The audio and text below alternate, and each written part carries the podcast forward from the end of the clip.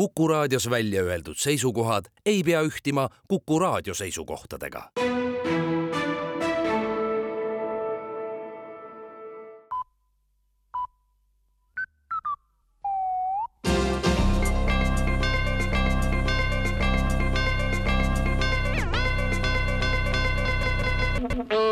tere kuulama uudiseid stuudios Rohke Develak eile erakorraliselt kogunenud koalitsiooninõukogu teatel on valitsus otsustanud opositsiooni minna. täna hommikul kontrolliti veel üle, kas opositsiooni mahub veel kolm erakonda ja kuna vastus oli positiivne, siis otsus oli ka konsensuslik. seega on alates täna keskpäevast kõik erakonnad opositsioonis, mis annab kõikidele poliitilistele jõududele võimaluse teha riigis valitseva olukorra kohta konstruktiivset kriitikat esialgu ei olegi ükski erakond väljendanud otsest soovi valitsuse moodustamiseks ja on tõenäoline, et Eesti jätkabki ainult opositsioonis olevate poliitiliste jõududega, sest ajad, mil valitsustel ka midagi jagada oli, on mõneks ajaks läbi saanud, möönavad ka poliitikavaatlejad valitsus aga kogunes eile ka riigisaladuse teemalisele nõupidamisele.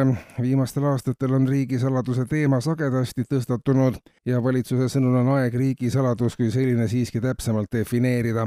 pärast konstruktiivset arutelu otsustati, et riigil on saladusi olnud seni liiga palju ja pärast pikemat vaagimist jäeti sõelale vaid üks riigisaladus nimelt on valitsuse sõnul riigile seni jäänud kõige suuremaks saladuseks see, miks paljud riigi kodanikud sellest aru ei saa, et tegelikult tahab valitsus neile ainult head. on tõenäoline, et see jääbki igaveseks saladuseks, märgitakse valitsuse vastava töökomisjoni kokkuvõtvas raportis. oponentide arvates viitab see viimane aga juba avaliku saladuse kaitsmise seaduse väljatöötamise vajalikkusele valitsuse talvekomisjon aga pakkus eile välja rea lahendusi, mis oleksid eeloleval talvel toasooja tootmisel inimestele suureks abiks.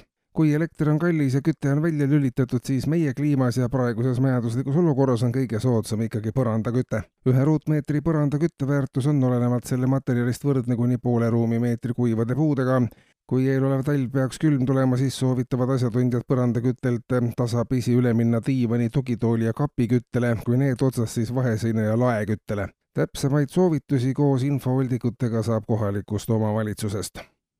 Ja veel kommunaalteemadel, valitsus otsustas börsihinnale üle viia ka kogu Eestit katva veevärgi ja selle kõik teenused. Vastavad muudatused vastavates struktuurides viiakse läbi tänase päeva jooksul ja seetõttu tuleks hinnatundlikel tarbijatel homme vältida vee kulutamist, WC-s käimist ja joomist kella kuueteistkümnest kaheksateistkümneni ja nädalavahetustel kella kahekümne kella kahekümne kolmeni vee börsihinnaga saad tutvuda järgmise kuu veearvetel. tarbijatel, kes ei suuda nimetatud kellaaegadel WC külastamist vältida, palub valitsus võimalust kasutada selleks avalikke käimlaid. samuti on aasta lõpuni tasuta vee laskmine ka looduses.